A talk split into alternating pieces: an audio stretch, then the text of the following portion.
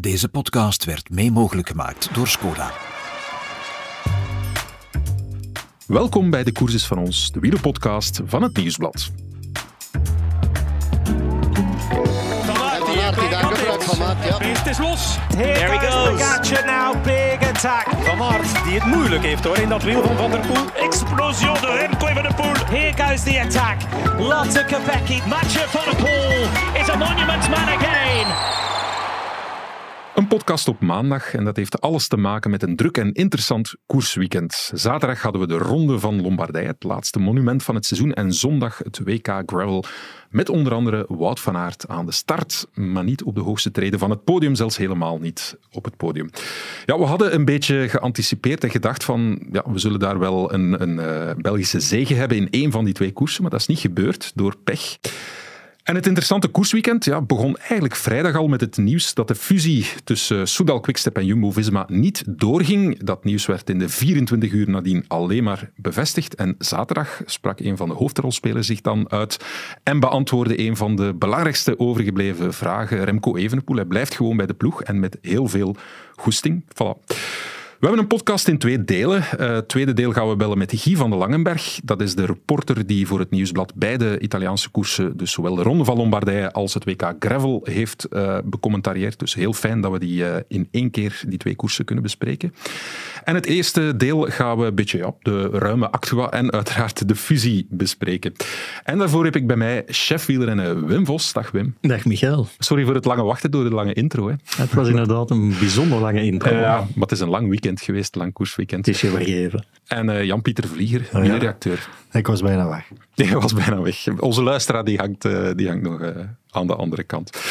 Dat is het belangrijkste. Wim, uh, ik zeg een druk uh, koersweekend. Ik heb drie feiten opgenoemd, maar ja, jij, jij, bent, jij zit er al zo'n beetje te trekken benen van, uh, ja, je bent toch wel nog wat vergeten. Hè? Je hebt een, een fijne zondag gehad met geen enkele van die feiten die ik opgenoemd heb, of van die koersen die ik opgenoemd heb. Ja, ik heb zondag namiddag nog even naar de finale van Parijs Tours gekeken. Ja. En dat ging naadloos over in de eerste veldrit van het seizoen, ja. de cross in Beringen.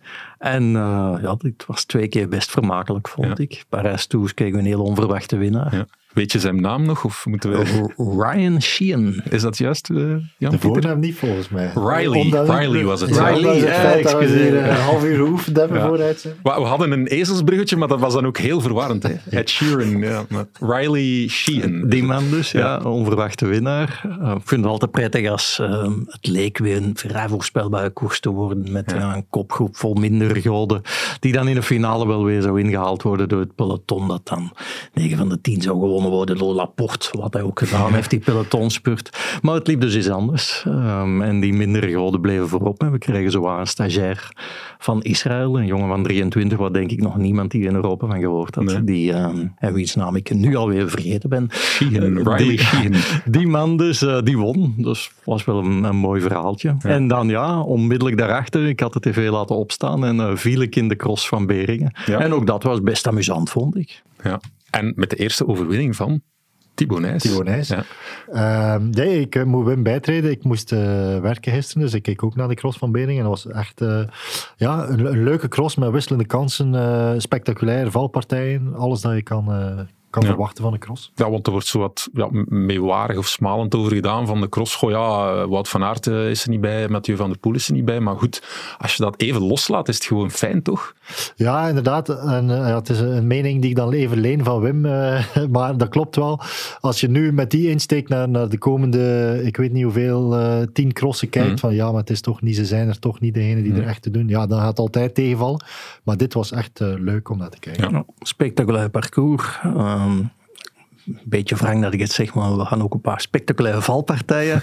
um, ja, heel veel positiewisselingen en inhaalmanoeuvres van, um, van, van, van en dergelijke. Ja. En dan toch ja, een, een spannende sprint. Een spannende sprint, mooie winnaar. Eigenlijk alles wat je in een uur cross mag verwachten was erbij. Ik, ik hield eigenlijk al een beetje mijn hart vast, want ik was, zoals ik zei, aan het werk. En ik dacht, ai, Thibaut Nijs die hier zijn, zijn eerste professionele cross wint, dat gaat een gigantisch verhaal zijn. Dan gaan we pagina's voor vrijmaken, maar dat viel enorm goed mee. 60 lijnen in de krant. Ja. Is wel verrassend, want er zijn momenten geweest dat we elke stap die Thibaut Nijs zette... De eerste van Thibaut Nijs die we ja, eh, zijn, zijn eerste keer dat hij zonder steunwieltjes reed en dergelijke meer. Het heeft allemaal zo'n site gehaald, maar dan wint hij nu zijn eerste cross en dan ja, is er zoveel actua Ja, ja, dat dat blijkbaar allemaal eh, best meevalt.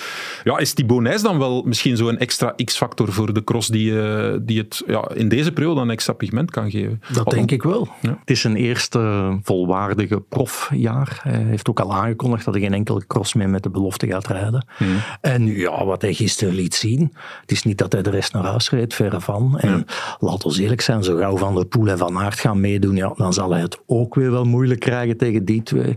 Maar tegen dit veld, met, met ja, Michael van Toegenhout, die zo biedt, lijkt hij echt wel gewapend om de volgende twee, drie maanden echt mee te doen. Ja. En dat is mooi. En dat kan inderdaad leuk zijn, want normaal gezien, ik moet altijd opletten hoe ik het zeg, want meestal eh, heb ik iets fout met de ploegnaam, maar Paul Sausen Bingo, of is het Bingo Paul Sausen? Enfin, Die dus. Ja. ja, die dus. Eh, ja, die proberen nu zo in deze periode te scoren en dan hebben zij toch wel een beetje het, het veld vrij normaal gezien, maar ja, dat zal nu, nu kunnen we ook duels krijgen hè, en wordt dat nog extra spannender door eh Thibaut Nijs daarbij. Ja, en er reden ook een aantal namen tussen, ah, waar we uiteraard wel eens van gehoord hebben, maar die doorgaans niet echt meedoen voor de zege. Ik denk zo Ryan Kamp, eh, Witse Meeuwse, dacht ik. ehm, van een aantal jongeren. die eh, ja. had kunnen winnen, vond Hmm. hij zelf en misschien wel gelijk had. Ja, voilà. Goed. Toch over een ander koer- koersje ook praten, de Ronde van Lombardije. We gaan het daar met Guy straks eh, uitgebreid over hebben, maar ja, toch even over de winnaar, Tadej Pogacar. Eh, straf eigenlijk, want ik heb al die Italiaanse voorbereidingskoersen uiteraard niet gezien, maar wel de uitslagen, een beetje de verslagjes. En dan las je zo wel zo van, ja, hij kan niet echt eh, de maat nemen van, van Roglic. Hij eindigde ook op eh, ereplaatsen, maar won geen enkele van die, eh, van die koersen. En dan denk je zo van, ja, welke Pogacar gaan we te zien krijgen? Er, is een, een Pogacar die een goede sterveling is en dan is er de, de IT Pogacar. En ja, het was toch een beetje de IT weer. Zijn zeventiende overwinning van het seizoen. Ehm, is het dan zijn seizoen, ondanks het feit dat, dat we het altijd over Jumbo-Visma gehad hebben? Want 17 overwinningen en het gewicht van die overwinningen, ja, dat is wel... Zijn seizoen, het seizoen van Mathieu van der Poel en het seizoen van Jumbo-Visma. Het zijn die drie factoren, denk ik, die hele Dat is wel gemakkelijk, hè? Zo winnen, kiezen, zo. Ja, ik bedoel... Maar ik kies voor Pogacar. Ah, voilà. Ja, Kijk, ja. De enige die ja, echt op alle fronten meedoet. In de Tour wordt hij dan ook nog tweede. Ja, dat mag je niet vergeten. Hij zelfs wordt wel tweede in de Tour. Hè? Op het WK stond hij op het podium, Derde, dacht ik. Derde, ja. Ja. en hij is er ook nu nog bij. En eh, wat je zegt is wel waar. Van, je denkt dan dat hij iets minder is. Maar dan krijg je een monument dat dan naar 250 en meer kilometers gaat. En dan blijkt hij toch weer gewoon de beste te zijn. Ja. Ik vond ook dat hij het... eh, ik weet eigenlijk niet of dat het echt een tactisch manoeuvre was. Maar het was wel heel mooi of goed gespeeld op die helling. De, Ganda? ja, inderdaad. De hele tijd aan de hesp denken. Maar ja, ja, daar, Dat is Belgische hesp, blijkbaar. Ja, dus Ganda heeft niks met Italië te maken. De Ganda Ham, hè. sorry.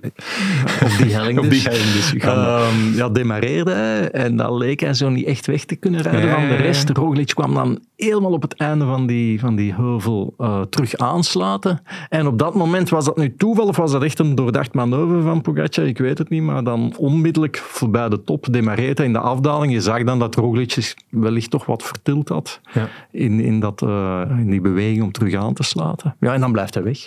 Sterk toch? Heel sterk, hè. Ja. Zijn carrière zat wel in een dip, want het was eh, 77 dagen geleden dat hij nog een koers gewonnen Oei, had. Dus dat was de voorlaatste rit van de Tour. Ja. Zo lang was het geleden. Dat heeft nog nooit gebeurd in zijn carrière. Ja, ja. 77 dagen eh, wachten op een zee. Amai. Ja, er zijn coureurs bij wie dat eh, soms meer dan een jaar is. Eh, Ja, en de rest. Ja, onze collega David van den Broek die moest vandaag de nieuwswatch doen. En blijkbaar waren er ook al internationaal, eh, Ja. de internationale pers stukken gewijd aan het feit dat Mbappé en Haaland, ik geloof dat Drie drie, of vier, wedstrijden niet gescoord hadden. ja, enfin, maar op dat niveau zitten we dan blijkbaar eh, met Pogacar eigenlijk. Hè. Zeker wel. Ja, het is een beetje, op dit moment is hij zegenkoning ook letterlijk, hè, los van het gewicht. Maar eh, Jasper Philipsen die probeert daar nog een stokje voor te steken in de ronde van Turkije. We moeten opletten, want we nemen deze podcast eigenlijk op voor de tweede etappe, dacht ik, Ja. eh, aankwam in de ronde van Turkije. Enfin, maar eh, op dit moment zitten ze elkaar op de huid. eh 16, Ja, 17. en ik heb mij laten vertellen dat hij speciaal gevraagd heeft, Philipsen, om die ronde van Turkije nog te mogen rijden. Ja, het is Omdat hij ja, dat, die titel, of dat prestige van internationale zegenkoning, ja, daar echt wel op mikt. Ehm, kennelijk, laat ik mij vertellen, is er ook tussen hen twee, want Pogacar en Philipsen zijn oude ploegmaats van Ja, bij UAE, ja. kennen elkaar goed. Zijn zelfs, zal ik mij opnieuw vertellen, echt wel vrienden. En zitten ze constant over en weer met elkaar berichten te sturen van, ehm, ja, waar ze elkaar uitdagen van wie van ons twee wordt Ah, die internationaal zegenkoning.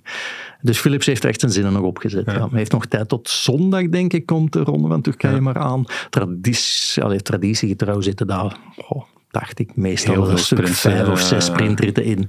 Dus de kans lijkt mij reëel dat hij het nog wel Ja. gaat, gaat halen ook. Er is niet een of andere koers nog in China of Sri Lanka die Pogacar zou er kunnen bij- bijlappen om hem... eh, Nee. Die is er nog, maar ik denk niet dat denk hij niet die dat gaat, gaat doen. Maar eh, bij UAE zijn ze wel ook heel eh, erg gericht op, eh, UCI, op de UCI teamranking. Ja. Die ze nu al zo goed als binnen hebben ook door de overwinning in Lombardije. Dat zijn 800 punten of zo. Dus de kloof met Jumbo-Visma is daar tamelijk onoverbrugbaar. Maar dat is iets heel contradictorisch. Dus Jumbo-Visma heeft de drie grote rondes Ja, ja, ja. gewonnen dit jaar, maar ze gaan, niet- ze gaan niet de UCI-ranking winnen. Ja. Wat een beetje, een beetje vreemd is. Maar bon, ja, Te, weinig UCI-punten voor tweede plaatsen waarschijnlijk eh, met Wout van Aert. Anders hadden ze... Ja, dat, ja, dat zou kunnen. En ze, hebben, ze zeggen dat ze er ook niet echt een doel van gemaakt hebben. Dat ze nooit gerekend Ja, hebben. ja, ja. Zouden die koers er niet bij nemen om daar nog wat puntjes eh, te nemen. Maar het is toch een, eh, iets heel opvallend. Ja, het was, eh, Pogacar verwees er ook wel meteen na, eh, na zijn overwinning naar, hè, naar van ja, nu zijn we, nu zijn we zeker nummer één of, of bijna zeker nummer één en dat was wel een doel enzovoort. Hij heeft de Sheik niet vernoemd, maar Ja. het was wel een doel blijkbaar. Ze waren er ook wel mee bezig. hè. Ik denk dat dat iets is in minder traditionele landen. Dat je zo een soort uh, je het, byline zoekt van onze ploeg. De Ja, beste van de wereld. Want en, al- bijvoorbeeld, ik dacht dat Radio Shack daar ook altijd een, eh, een groot iets van maakte om het ploegklassement in de Tour te winnen of Ja, zo. ja, ja. Omdat je dan een sponsor kan zeggen, kijk, wij zijn toch de beste ploeg. Ja. Eh, Terwijl dat een, een relatief belang heeft natuurlijk. Maar het is wel iets waarmee je makkelijk jezelf ver- verkoopt. Weet je welke ploeg er op nummer drie staat in het aantal overwinningen eh, dit seizoen? Soudal Quickstep. Ja, ja. Patrick Lefevre had dat toch vermeld in, eh, Ah, in de ja, column. ja, klopt, als soort van overperformer, hè, met een budget dat niet, Niet de derde is. Dus eh. iedereen zoekt wel inderdaad zijn manier om aan te tonen waarom dit seizoen eh, ja, een groot succes geworden is. Hè. Maar ja, goed, bij UAE is het wel een succes, ondanks dat ze die Tour niet gewonnen hebben en inderdaad geen grote ronde. Maar ik vind ook dat we, dat we dat soms vergeten zijn, wel twee, tweede geworden in de Tour. Ik bedoel, dat is ook wel iets. Ja, Het is niet dat die Tour helemaal niets geworden is. Ja, en nu we het over Soudal Quickstep hebben. Patrick Lefevre heeft er zijn column niet over gehad deze keer, over de fusie. Maar wij gaan dat wel doen. Ja, vrijdag kwam het nieuws dat de fusie niet doorging. Jij was de eerste die dat bevestigd kreeg eh, bij ons, Jan-Pieter. Eh, ik moet toegeven, ik zat dan weer aan de knoppen bij het snelnieuws. Dat is natuurlijk heel vervelend, hè, want ik was ondertussen bezig met eh, Pep Guardiola, die iets over Kevin De Bruyne gezegd had. En dan ja, ja. tussendoor moest ik dat doen. En ik dacht zo, ja, ik had letterlijk twee of drie minuten om dat, om dat een beetje voor te bereiden, in te tikken. En ik dacht zo van, ah ja, oké, fusie van de baan. Dus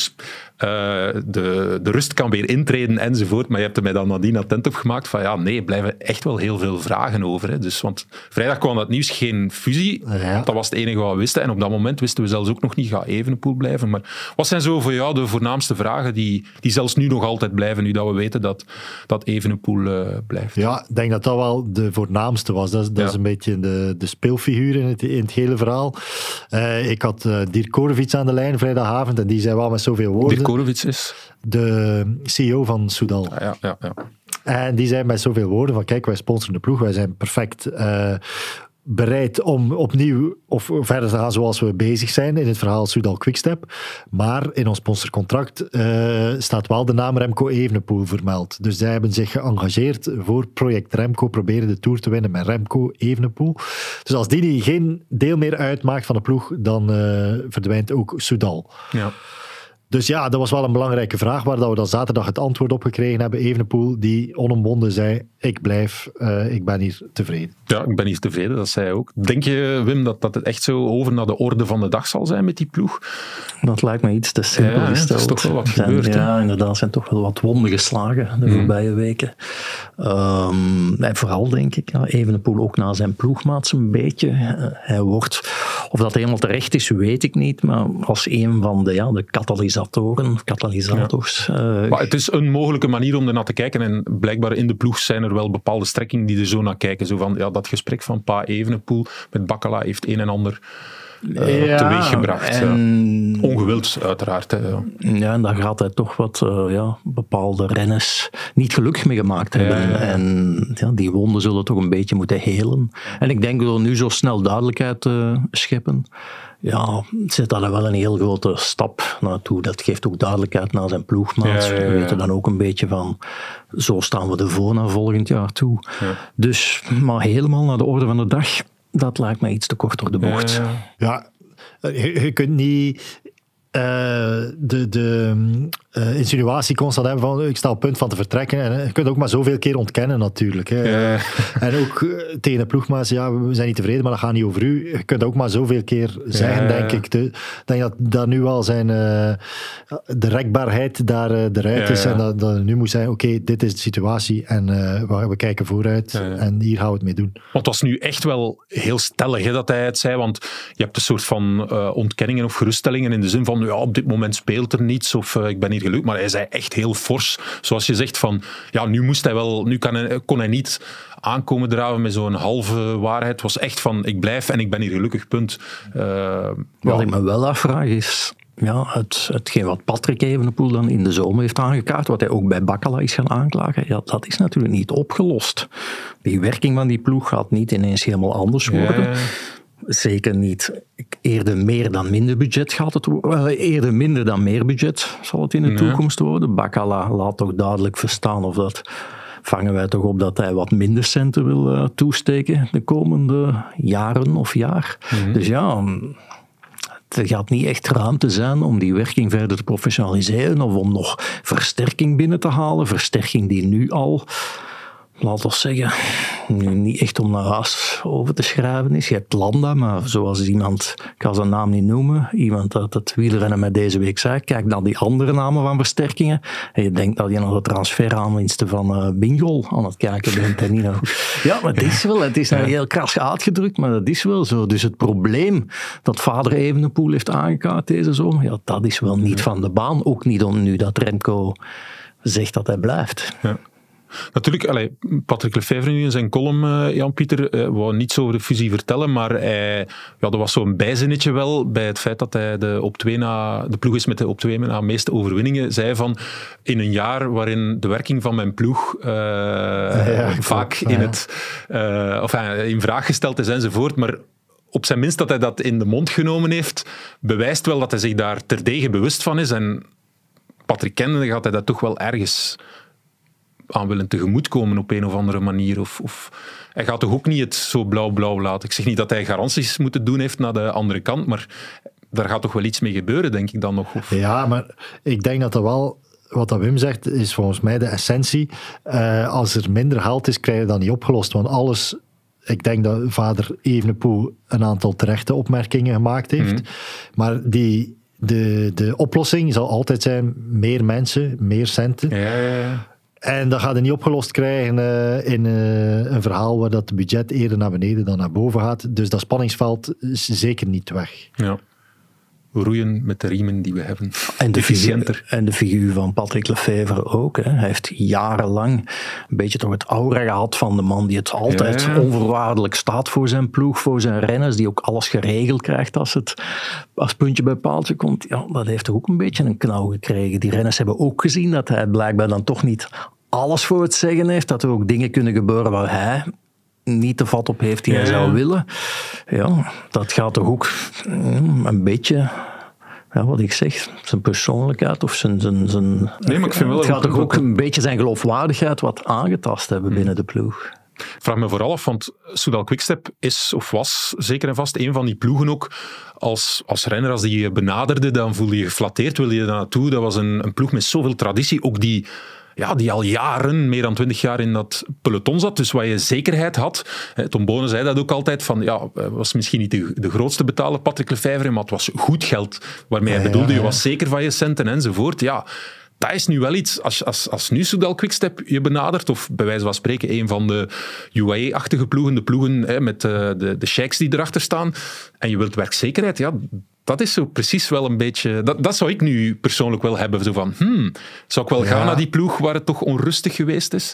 Dat, dat, is ook wel voor... Dat zal zeker kloppen, hè, wat hij zegt, maar dat is een stuk perceptie ook. Hè. Ja, ja, tuurlijk. Ja, maar... Eh, ik stoorde mij daar een beetje aan in al die fusieverhalen, dan vooral van de Nederlandse kant, dat zo een beetje tegen elkaar afgezet werd als uiterst en zo. Jumbo-Visma, alles extreem ja, wetenschappelijk. En dan Quickstep, die, ja, die doen maar iets. Dat is natuurlijk... Nee, nee, nee. nee. Ja, ik vind dat niet... Uh, niet respectvol naar alle mensen die daar, die daar zitten. En uh, ja, je hoort wel genoeg andere verhalen dat, dat er toch echt wel pogingen gedaan worden om dat zo goed mogelijk in te vullen. Ook het wetenschappelijk aspect, voeding en zo. Ja. Patrick Lefevre zegt altijd, ja, ze zijn al bij ons een eh, nutri nutritionisten komen halen. Dus het is niet dat er daar alleen maar uh, mensen uh, een vinger in de lucht steken, zochten en wat gaan we eens doen op training. Dat is natuurlijk ook... Daar wordt inderdaad soms een beetje karikatuur van gemaakt. Want ik herinner mij met de klimtijdrit in, in de Tour, waar Jumbo-Visma maar dan, wat dat groot nieuws was overal, van dat ze met uh, niet gelakte fietsen reden. Maar ja, ik was uh, samen met jullie in de Giro en uh, ja, daar, daar reed Remco Evenepoel bijvoorbeeld die rit op de Cappuccini of zoiets. Ja, had hij dan zijn witte fiets gekozen en werd gezegd, ja, hij had zijn zwarte, zijn niet gelakte fiets moeten kiezen, want die heeft minder gewicht. Dus om maar te zeggen, dat werd toen als nieuw gepresenteerd en als ja, weer zo'n bewijs van Jumbo-Visma is hier met iets aankomen draven waar niemand over gedacht had, maar in de Giro had Remco, allee, uh, Soudal Quickstep was daar ook mee bezig met niet gelakte fietsen, om wat te zeggen. Maar inderdaad, in de perceptie, een soort van narratief van ja, Jumbo-Visma, die zijn met alles mee.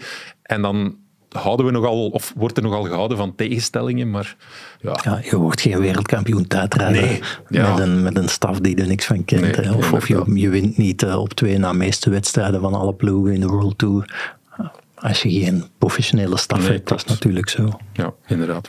Goed, we gaan uh, hier dit eerste luik afsluiten. Dankjewel, Wim. Graag gedaan. Dankjewel, Jan-Pieter. Graag gedaan. Ik ga eerst nog wat reclame maken voor we aan het tweede deel beginnen voor onze volgende podcast. Want het is even wachten, maar dat gaat wel de moeite lonen. De volgende afspraak is op 7 november en dat is het gala van de Flandrien.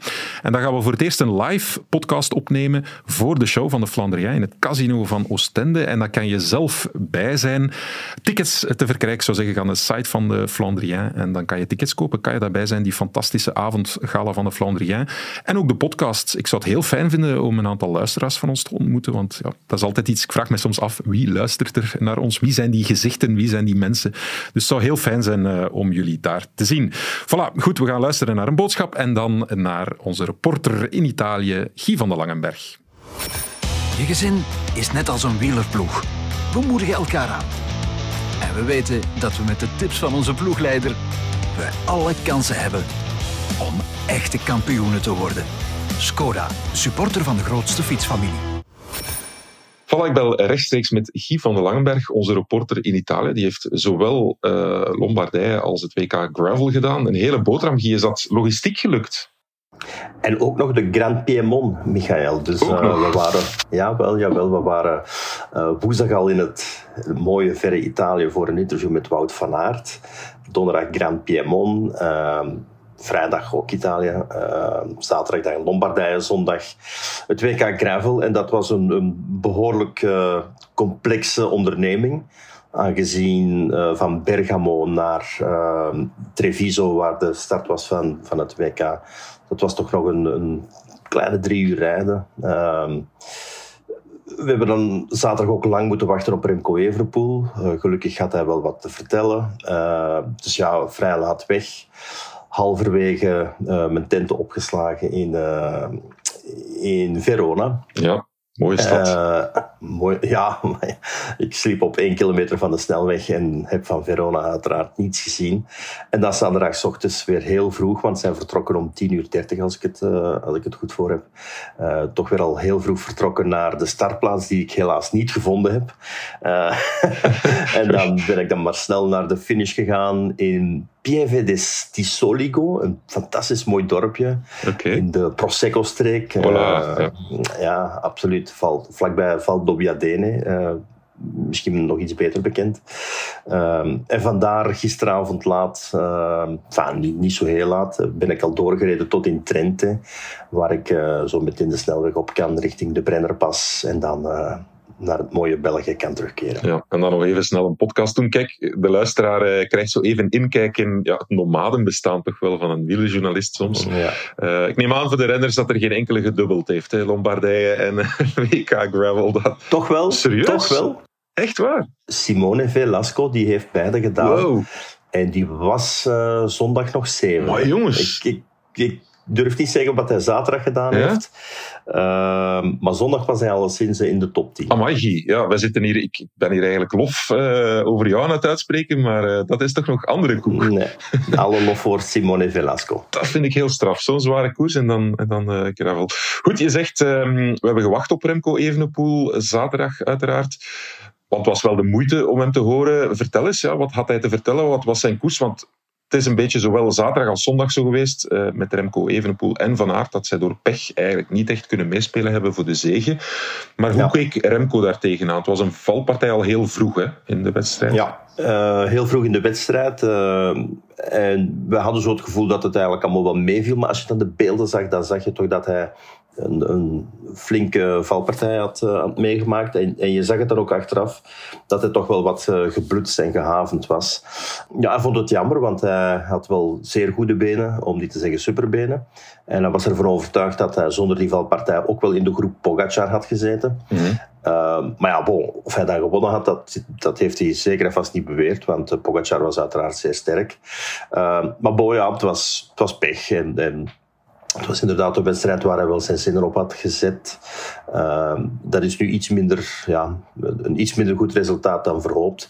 Alhoewel dat het mij toch wel aangenaam verraste dat hij eigenlijk maar op anderhalve minuut is binnengekomen. Ja. En dat hij die spurt voor de achtste plaats of negende plaats, dat hij die eigenlijk uh, vrij makkelijk won. Ik wil ook zeggen dat hij, want daar hebben wij geen beelden van gezien, van de beklimming naar de Alta Città in Bergamo, maar dat hij daar echt wel de forsing heeft gevoerd waarschijnlijk. En dat hij daar toch nog met een vier, vijftal renners, met Andreas Kroon er ook nog bij, met Maxime van Giel er ook nog bij, dat hij zich nog heeft kunnen losrukken uit een achtervolgende groep. Dus dat wil eigenlijk zeggen dat buiten die lange beklimming, dat hij eigenlijk wel een, een, een, ja, een goede koers heeft gereden, maar dat hij daar misschien net dat procentje tekort kwam om de Pogacars en de Roglic uh, van deze wereld te volgen. Ja. Misschien dan toch een opsteker, want hij heeft een beetje bijzondere voorbereiding gehad. Geen wedstrijden gereden, echt volledig getraind. Maar mm. dan zie je toch wel weer, dat is een van de sterktes natuurlijk van Evenepoel, dat hij zich echt wel op één specifieke wedstrijd, als hij daar wil staan, staat hij daar wel. En los ja, van de pech zeg jij van, dat was wel het geval.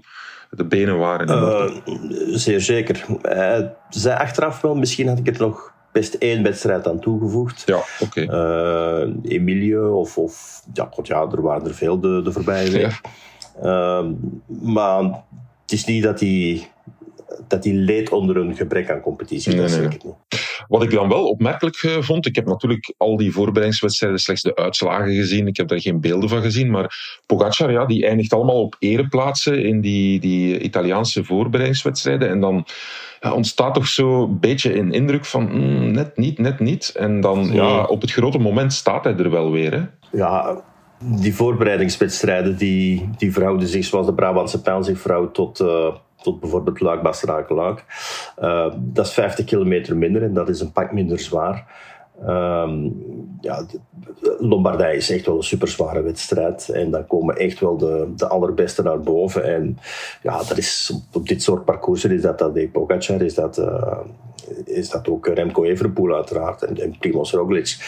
Dus die 50 kilometer extra, of, of dat laatste wedstrijduur, dat, dat zorgt er toch wel voor dat type renners dat Pogacar is, dat hij echt wel in het voordeel zijn. Ik, kijk naar uh, Ilan van Wilder bijvoorbeeld, die een Tre Valivaresine won uh, en die naar Lombardije toegaf van ja, bij mij was het vandaag allemaal net iets minder. Nee. Dus, dus zo onlogisch is dat allemaal nee. niet. We miskijken ons daar soms inderdaad een beetje op uh, dat ja, die 50 kilometer zo ja, meer dan een, een koersuur extra, dat dat echt wel de verhoudingen verandert. Hè? Ja. En dan Absoluut. hebben we toch nog eens aan herinnerd, als we dat waren vergeten, wat voor een fenomeen Pogacar is. Hè? Ja, uh, ja, ongelooflijk. Uh, heeft er ook nog krampen op een gegeven moment. en, begint dan maar op zijn billen te kloppen als, een, uh, als de drummer van U2 bij een of ander nummer. Uh, I wanted to try the, to beat the shit out of me, was zijn uitleg Ja, oké. in de persconferentie. Ja. En dat is gelukt. Ja, goed. En dan eh, richting WK Gravel, eh, zondag. Ja, ook daar een beetje een vergelijkbaar verhaal in de zin van, ja, Van Aert die komt, die komt, eh, enfin, die heeft pech, verschillende momenten pech, maar dan bleek eigenlijk Mhm. de druppel te veel een, een lekke band te zijn. Hè. Wa- Was het Mhm. dat dan? Want hij is ook nog gevallen, hij heeft ook nog een zadelprobleem gehad en, en het, het, het, het allermooiste van, van het, het WK Gravel is dat wij ook van niks weten. dus dus je, je, je, hebt geen je hoort geen communicatie. Of ah, je, je, je, krijgt nadien wel van alles mee. En hij zei ook wel, ja, na die, na die lekke band, het was vooral, like, er scheelde iets aan het ventiel, dus hij kreeg het snel genoeg gerepareerd. En zei, ja, toen zat ik op, meer dan negen minuten en wist ik ook wel dat ik nooit nog vooraan zou geraken. Dus ja, dat heeft inderdaad de doorslag gegeven. Hij heeft dan denk ik nog één of twee minuten kunnen afknabbelen uh, van die achterstand in de, in de laatste lus. Maar ja, dan kom je op acht minuten binnen en dan ben je nog wel achtste, als ik het goed, uh, me goed herinner. Uh, maar vooral hij heeft zich geamuseerd, had ervan genoten. En, en ja. ik denk dat dat de, de, de essentie is van deze sport. De, het resultaat telt en, en, en Mohoric is, is de nieuwe wereldkampioen. Maar die jongens die genieten daarvan, omdat dat zo anders is. Uh, Mohoric vertelde ook, ja, je hebt geen communicatie, je wordt niet constant...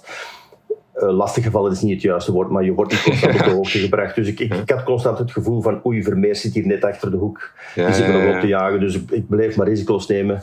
Uh, dus ja, het, het, het, ik, ik, vond het fantastisch mooi. Het was ook mijn, net zoals Wim vorige week zijn eerste ja, EK Gravel, was het voor mij mijn eerste WK Gravel. En uh, ik heb ze nu allemaal gedaan dit jaar. Dus WK veldrijden, WK op de weg, tijdrijden. Ja, op de piste was er dan ook. Ik heb het WK mountainbike gedaan. Nu het WK gravel.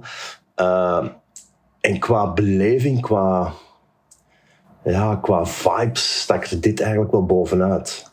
Ook Ja. omdat het waarschijnlijk nog ja, amateuristisch is niet, is niet het juiste woord, maar, maar het heeft zo nog heel veel grassroots-achtig. Dus dit, dit is Ja. echt zo precies de basis van het, van het wielrennen. En, uh, ja, het, was, het was heel plezant om er te zijn. Dat, Ja. er, er hing een, een gigantisch spit met allemaal kippen die Ja, die, ik wou er net over beginnen, want die foto hebben wij natuurlijk uh, zien passeren, of filmpje. Ja. Uh, heb je op social media uh, gedeeld. En ik moet zeggen, bij ons is zondag ook altijd kipdag, kip aan spitdag.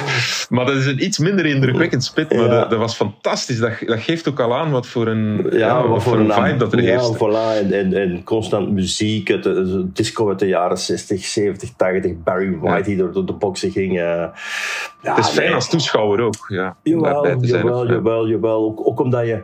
Goh, ook als toeschouwer heb je zo wel het gevoel van oké, er is hier een wedstrijd bezig, maar het is eigenlijk meer een... een, een, een ja, goh, hoe moet ik dat zeggen? Een, een, een beweging van gelijkgestemde zielen die, die Ja, zich willen ja. amuseren. Maar tegelijkertijd is het Ja. ook business. Hè? Ik bedoel, uh, we vroegen aan Mohoric gisteren op de persconferentie, wat ga je nu doen? Want een gravel race wordt doorgaans wel eens afgesloten met barbecue en bier.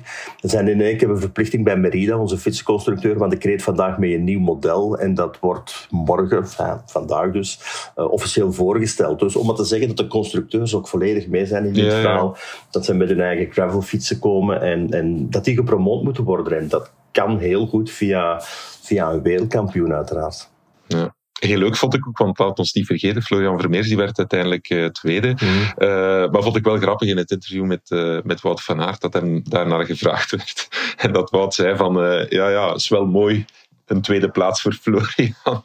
Natuurlijk verwijzend naar zijn eigen tweede plaats. Maar die heeft Ja. wel een, een onwaarschijnlijk sterke koers gereden. Hè. Het is ook Jawel. echt, hij werd vooraf ook al getipt als een van de mannen die, die uh, hier sterk zou kunnen zijn. Heeft uh, ja, grote motor. Parijs-Roubaix, zit er allemaal wat in. Ja, maar toch uh, heeft natuurlijk zijn gewicht tegen. Hè? Want je mag niet vergeten, er waren heel wat hoogtemeters. Het was echt een lastig parcours. En om, om dat toch... Ja, hij bokst eigenlijk in een andere gewichtscategorie. En om dan toch nog mee te kunnen met de lichtgewichten. Enfin, ik druk me nu verkeerd uit, want de zware gewichten zijn normaal wel iets sterker dan de lichtgewichten. Maar op dit parcours zijn de lichtgewichten in het voordeel. En Florian is dan toch een ja, een zwaar gewicht mag ik ook niet zeggen, maar dat toch een iets minder licht gewicht dan bijvoorbeeld Mohoric. En dat zei Mohoric ook. Ik wist wel op de beklimmingen moest hij echt een superdag hebben om mij te kunnen volgen. En, en dat is achteraf ook gebleken. Um, maar dat Florian dit kon op dit parcours wijst erop dat hij ja, heel sterk is uiteraard, maar dat hij ook op het einde van het seizoen nog over heel veel ja, over nog heel veel krachten beschikt. Uh, dus dat, dat hij zeker niet uitgeput uit het seizoen stapt. En dat is ook altijd een gunstige vaststelling. Ja. Wout van Aert, zijn seizoen zit erop, voor alle duidelijkheid. Enfin, het ja. wegseizoen dan. Ja, ja, ja, ja. inderdaad. Remco die gaat blijkbaar nog een Chrono de Nation rijden, ja. uh, las ik. Uh, Volgend weekend, ja. Ja, die doet er nog iets bij. Maar goed, dan kunnen we toch stilaan, stilaan afronden, neem ik aan. Hè. Het is mooi geweest. Goed, Guy, ik ga jou laten rijden. Uh, wat is het plan? In één, in één trok waarschijnlijk niet. Dat is, je zit nog vrij ver, hè? Uh, ik, ik, denk dat ik nog 1100 kilometer moet rijden tot, tot ik in het mooie Rijke Vorsel ben. ja. Ik zal sowieso nog moeten staan, stoppen om... om om de auto even vol benzine of vol diesel te gooien. En dan uh, hoop ik toch wel, ja, vroege avond hoop ik toch wel thuis te zijn. Gaat de pitabar nog open zijn? Want had jij niet zo'n traditie om, uh, om, als je van het buitenland kwam, uh, naar de lokale pitabar te gaan? Nee? Dat was toen, toen, toen, woonde ik nog in Morsel. Daar had ik... ah, oké. Ja, ja, maar nu zijn we verhuisd en in de stille camper zijn ook wel pitabaars, maar die zijn op maandag denk ik niet open. Nee. Ik heb okay. nog nooit extra gezocht. Oké. Okay. Uh, goeie reis in elk geval en zeer bedankt om ons bij te praten over een fantastisch Italiaanse weekend. Ciao. Ziezo, dit was de courses van ons voor vandaag. Nog even herhalen, op 7 november het gala van de Flandrien, georganiseerd door het Nieuwsblad, met vooraf een live podcast in het casino van Oostende. Je kan erbij zijn, tickets te koop, kijk op de website van de Flandrien. Tot dan, tot de courses van ons.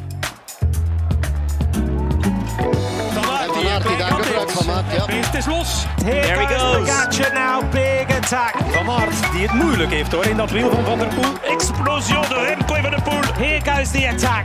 Lotte Kopecky. Matcher Van der Poel is a monument man again.